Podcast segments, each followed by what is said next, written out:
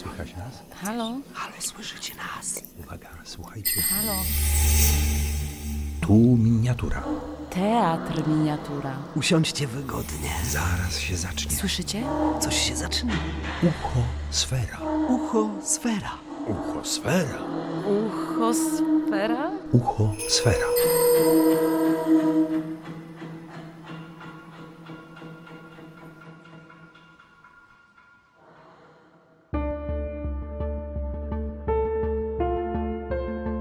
Miejski Teatr Miniatura i Radio Gdańsk przedstawiają Juliusz Wern 20 tysięcy mil podmorskiej żeglugi. Odcinek pierwszy.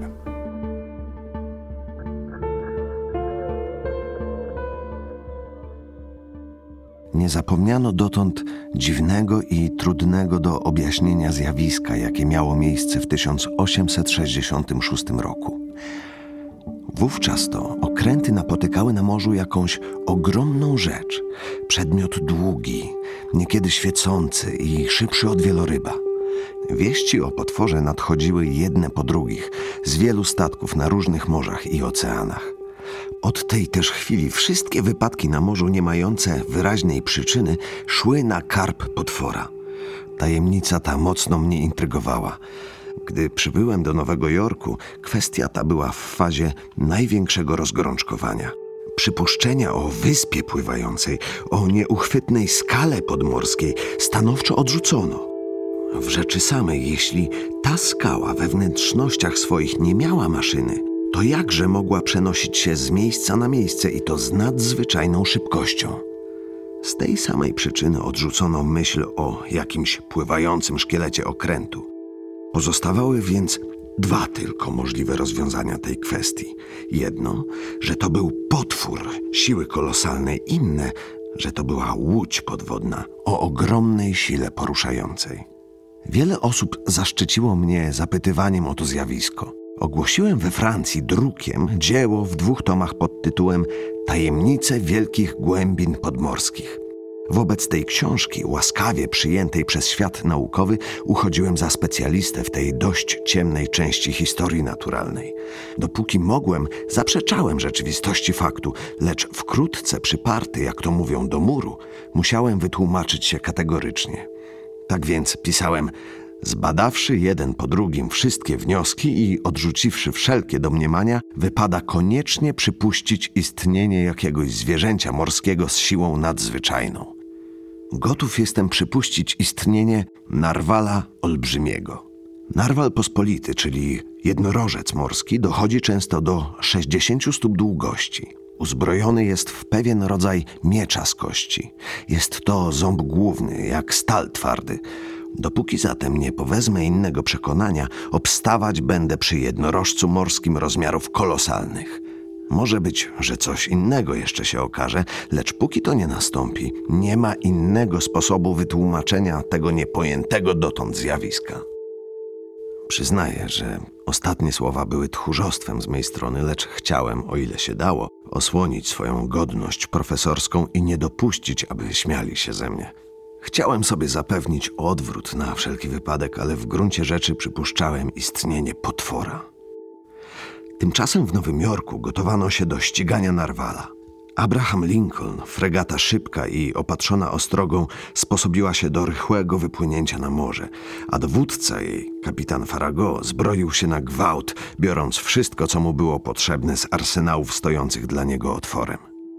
Od chwili właśnie, w której zdecydowano się ścigać potwora, ten nie pokazał się więcej. Przez dwa miesiące nikt o nim nie słyszał, żaden go okręt nie spotkał. Niecierpliwość wzrastała z każdym dniem, gdy nagle parowiec krążący na linii z San Francisco w Kalifornii do Szanghaju spostrzegł przed trzema tygodniami potwora na północnych morzach Oceanu Spokojnego. Pozostało tylko rozniecić ognie pod kotłami, wydobyć z nich parę i odpłynąć, czego też sam dowódca pragnął najgoręcej. Na trzy godziny przed wyjściem Abrahama Lincolna z Brooklynu otrzymałem list treści następującej. Panie, jeśli pan chcesz uczestniczyć w wyprawie, którą przedsiębierze Abraham Lincoln, rząd Stanów Zjednoczonych z przyjemnością będzie widział Francję reprezentowaną przez pana w tym przedsięwzięciu. Z głębokim szacunkiem sekretarz marynarki J.B. Hobson. W trzy sekundy po odczytaniu listu byłem dostatecznie przekonany, że prawdziwym celem mojego życia było ściganie tego potwora i uwolnienie świata od niego. Konsej! Konsej to mój służący, dzielny flamandczyk. Miałem w nim bardzo biegłego specjalistę w klasyfikacjach przedmiotów należących do historii naturalnej. Od dziesięciu lat jeździł ze mną wszędzie, gdzie mnie ciągnęło pragnienie nauki. Jednakże Konsej miał jedną wadę. Formalista zaciekły. Mówił do mnie zawsze w trzeciej osobie, co w końcu nawet drażniło. Byłem pewien gotowości mego chłopca i zazwyczaj nie pytałem go nigdy, czy chce lub nie chce jechać ze mną w podróż. Teraz jednak chodziło o wyprawę, która mogła się przeciągnąć bardzo długo. Konsej! Konsej! Czy to mnie wołają? Tak, mój chłopcze. Przygotuj wszystko do podróży. Za dwie godziny pojedziemy. Jak im się podoba? Nie mamy ani chwili do stracenia. Popłyniemy na fregacie Abraham Lincoln. Jak im będzie najwygodniej? Mój przyjacielu, tu chodzi o potwora, o sławnego Narwala. Pojedziemy, aby oczyścić z niego morza. Autor dzieła o tajemnicach wielkich głębin podmorskich nie może odmówić uczestniczenia w tej zaszczytnej wyprawie, lecz niebezpiecznej zarazem. Nie wiadomo, dokąd płyniemy. Te bestie mogą być bardzo kapryśne, Co zrobią, to i ja uczynię. ale pomyśl dobrze, bo to jedna z tych podróży, z których się nie zawsze powraca. Jak im się podoba? W kwadrans potem nasze pakunki były gotowe. Pan Piotr Aronax Ja sam, dowódca Farago, w swojej własnej osobie. Witam szanownego profesora. Kajuta pańska jest na pańskie usługi. wygodnie nam tu będzie. Tak wygodnie z przeproszeniem pana, jak rakowi pustelnikowi w ślimaczej skorupie. Czy mamy dosyć pary? Tak jest! Go ahead!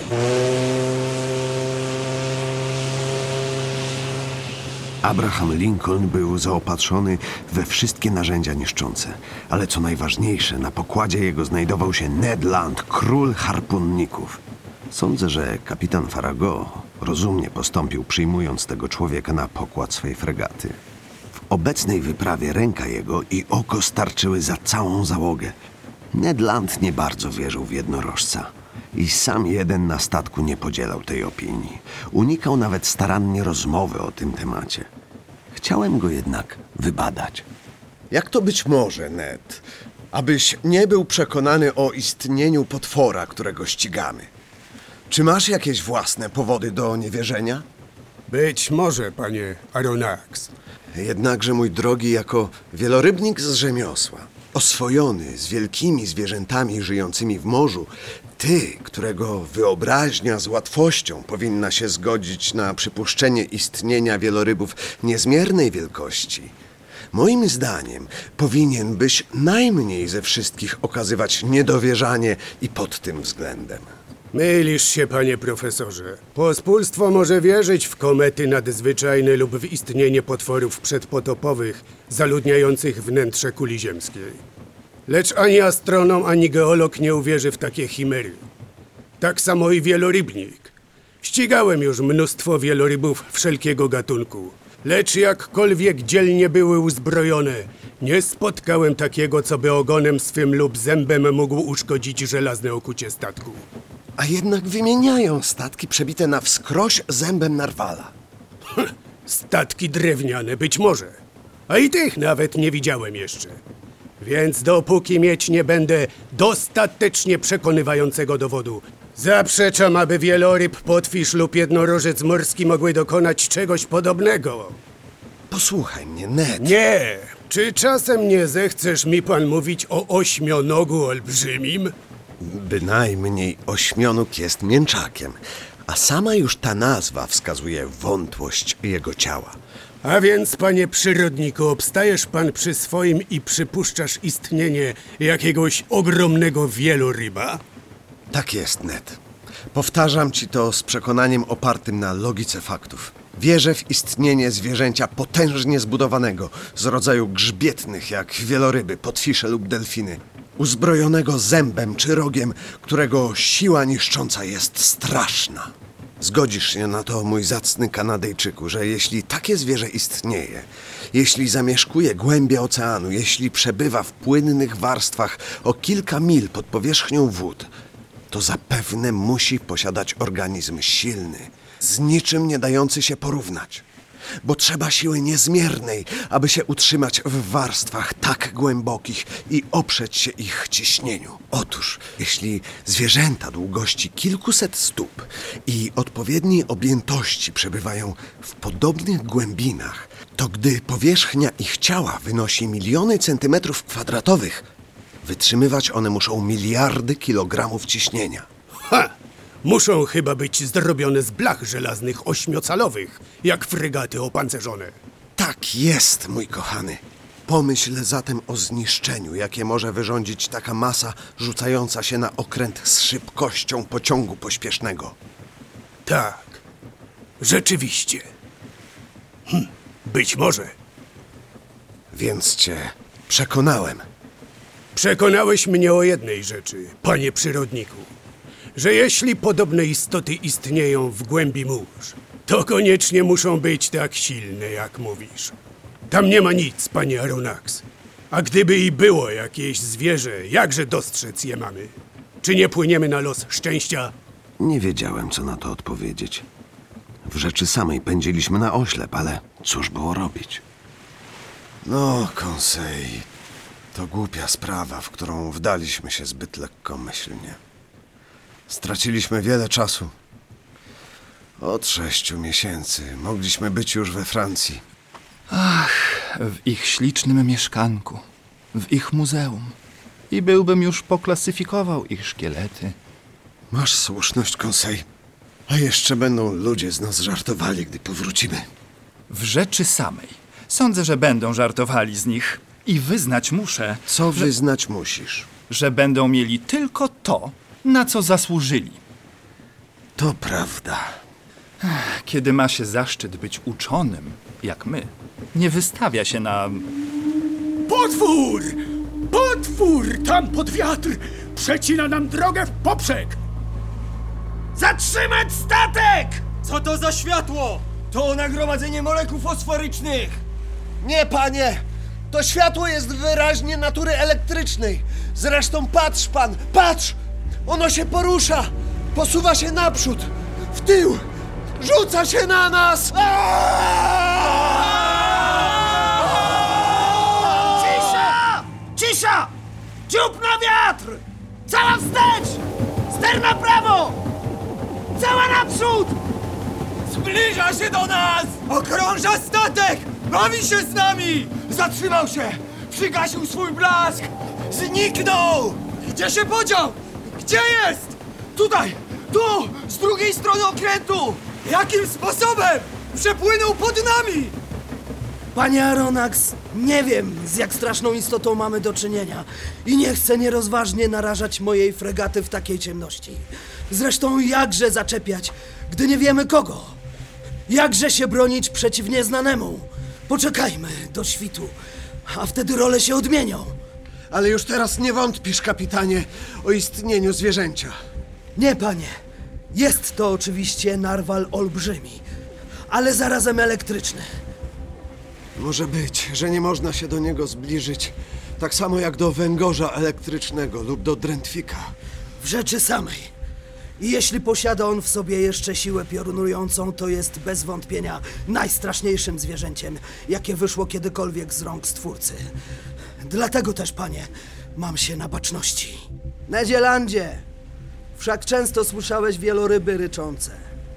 Powiedz mi, czy ten odgłos nie jest podobny do tego, jaki wydają wieloryby, wyrzucając wodę przez nozdrza? Taki sam odgłos, panie, lecz ten, jaki przed chwilą słyszeliśmy, jest bez porównania silniejszy. Nie ulega wątpliwości, że wieloryba mamy pod bokiem. Jeśli pan pozwoli jutro, przy świetle dziennym, powiemy mu słówko. Jeśli będzie w humorze słuchania cię, mościlandzie. Niech ja się tylko zbliżę do niego na cztery długości harpuna. A musi mnie słuchać. Abyś jednak się zbliżył, trzeba by dać łódź wielorybniczą. Bez wątpienia, kapitanie. A to byłoby narażać życie moich ludzi. I moje! Czuwano bezustannie i sposobiono się do walki. O szóstej poczęło świtać i wraz z pierwszym brzaskiem zorzy zniknęło światło elektryczne Narwala. Ja przysiadłem się do steru. Kilku oficerów wdrapało się na wierzchołki masztów. O ósmej mgła opadła na fale. Widnokrąg oczyścił się i rozwidnił. Jest! Tam, z lewej burty! Czy mamy dość pary? Mamy, kapitanie! Dobrze! Każ pan dorzucić do ognia i ruszamy cała naprzód! Abraham Lincoln, popychany siłą potężnej swej śruby, pędził prosto na zwierza. Ten czekał obojętnie i pozwolił okrętowi zbliżyć się na 60 sążni, po czym, nie zanurzając się bynajmniej, usuwał się zwolna, utrzymując się w tej samej odległości. Taka pogoń trwała około trzech kwadransów, a fregata w tym czasie nie zdołała zbliżyć się do potwora ani o jeden sążeń. W taki sposób można go było nigdy nie doścignąć. I cóż, panie Land, czy radzisz mi jeszcze spuszczać czółna na morze? Nie, panie, bo widzę, że to bydle nie da się złapać, jeśli nie zechce. Cóż zatem robić? Więcej pary, jeśli to możliwe. Co do mnie, to rozumie się z pozwoleniem pańskim. Stanę przy maszcie w pogotowiu i cisnę harpunem, jeśli na stosowną odległość zbliżyć się zdołamy. Dobrze. Zwiększyć ciśnienie pary! Konsej, czy wiesz, że możemy wylecieć w powietrze? Jak im się podoba. Zwiększyć ogień! Dopędzamy go! Dopędzamy! To zwierzę płynie prędzej niż Abraham Lincoln! Ale zobaczymy, czy prześcignąć zdoła jego kule stożkowe. Niech strzela ktoś zręczniejszy! 500 dolarów nagrody temu, kto przeszyje to bydle piekielne! Ach, ten łotr opancerzony jest, jak widzę, blachą sześciocalową. Przekleństwo! Będę go ścigał. Choćby moja fregata miała rozbryzgnąć się na najdrobniejsze szczątki. Masz pan słuszność zupełną. Kanadyjczyk stał jak posąg niewzruszony na swym stanowisku, gotów do działania w każdej chwili. Dwadzieścia stóp zaledwie dzieliło go od zwierzęcia. Jednym szybkim ruchem wyciągnął nagle rękę i wyrzucił harpun. Słyszałem uderzenie. Światłość elektryczna przygasła naraz. Dwa potężne słupy wody spadły na pomost fregaty, a lejąc się jak potok wzburzony z przodu na tył okrętu, przewracały ludzi i porywały wszystko, co napotkały na drodze. Dało się czuć gwałtowne wstrząśnienie. A ja, przerzucony przez barierę, nie mając czasu uczepić się czegokolwiek, wypadłem za burtę.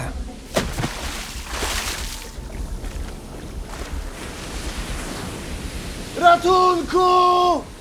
Ratunku! Niech wesprą się na moim ramieniu, to, to będzie im daleko wygodniej płynąć. To ty! To ty! Ja sam, na rozkazy. Wyrzuciło cię razem ze mną do morza? Bynajmniej poszedłem za nimi. A fregata? Fregata. Zdaje mi się, że nie warto liczyć na nią. Co ty mówisz? W chwili, kiedy za nimi wskoczyłem w wodę, słyszałem, jak na pokładzie wołano śruba i stersą. Są strzaskane. Strzaskane! Tak, strzaskane zębem potwora. Innego uszkodzenia Abraham Lincoln nie doznał. W każdym razie, na nieszczęście nasze nie ma steru i nie może zawrócić. Więc jesteśmy zgubieni. Być może. Jednakże mamy jeszcze kilka godzin czasu. A przez tych kilka godzin wiele można zrobić. Jeden położy się na grzbiecie z rękoma na piersiach skrzyżowanymi, a drugi, y, płynąc, popychać go będzie przed sobą. Tak zmieniając się co 10 minut, możemy płynąć jeszcze kilka godzin, a może nawet i do rana. Czy słyszałeś? Słyszałem. Ratunku! Ratunku! Cóż widziałeś? Widziałem, widziałem.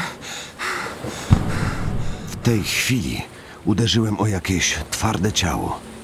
Czułem, że mnie wyciągano z wody, że pierś moja swobodniej oddycha i zemdlałem. Ned! W swojej własnej osobie. Tyś także wpadł do morza. Tak jest, panie profesorze. Lecz szczęśliwszy od was. Zaraz prawie zdołałem się dostać na wysepkę pływającą. Wysepkę? Albo raczej na waszego narwala olbrzymiego. Nie rozumiem cię, Ned. Od razu zrozumiałem, czemu mój harpun nie mógł w nim ugrząść i zsunął się po jego skórze. Dlaczego? Ned, dlaczego?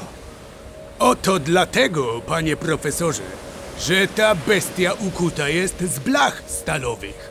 Siedziałem na zwierzęciu, czy też przedmiocie na wpół zanurzonym w wodzie. Czułem go pod mymi stopami. Było to w rzeczy samej ciało twarde, a bynajmniej nie owa substancja miękka, z jakiej się składa ciało wielkich morskich zwierząt. Nie było żadnej wątpliwości, że zwierzę, potwór, zjawisko przyrody, które tak intrygowało cały świat uczony, rozpalało wyobraźnię i niepokój budziło w sercach marynarzy obu półkul ziemskich, było zjawiskiem bardziej jeszcze zadziwiającym, bo dziełem ręki ludzkiej. Wszystko, co wielkie i nadzwyczajne, pochodzi od Stwórcy i to rzecz bardzo prosta. Lecz nagłe odkrycie czegoś tak po ludzku, a tajemniczo urzeczywistnionego doprowadzić mogło do szaleństwa. Bądź co bądź, znajdowaliśmy się na grzbiecie jakiegoś statku podwodnego, kształtu ogromnej stalowej ryby. Lecz w takim razie przyrząd ten posiada w sobie mechanizm pozwalający mu przenosić się z miejsca na miejsce i jakąś załogę kierującą tym mechanizmem. Tak się zdaje. A jednak od trzech godzin, jak przebywam na tej wyspie pływającej, nie dała ona jeszcze żadnego znaku życia. Czy ten statek nie płynie? Nie, panie Aronax. Kołysze się na falach, ale się nie porusza. Wiemy wszakże z pewnością, bo z doświadczenia, że obdarzony jest ogromną szybkością. A ponieważ dla wytworzenia tej szybkości potrzebna jest maszyna i maszynista, wnoszę więc z tego, że jesteśmy ocaleni. Ruszył się. Płyniemy. Dopóki płynie poziomo, nie mam nic przeciwko temu. Ale jeżeli mu przyjdzie ochota zanurzyć się, to i dwóch dolarów nie dałbym za mą skórę. I to byłoby za wiele. E! Do tysiąca diabłów! Otwórzcie nam, żeglarze niegościnni! Jesteśmy ocaleni.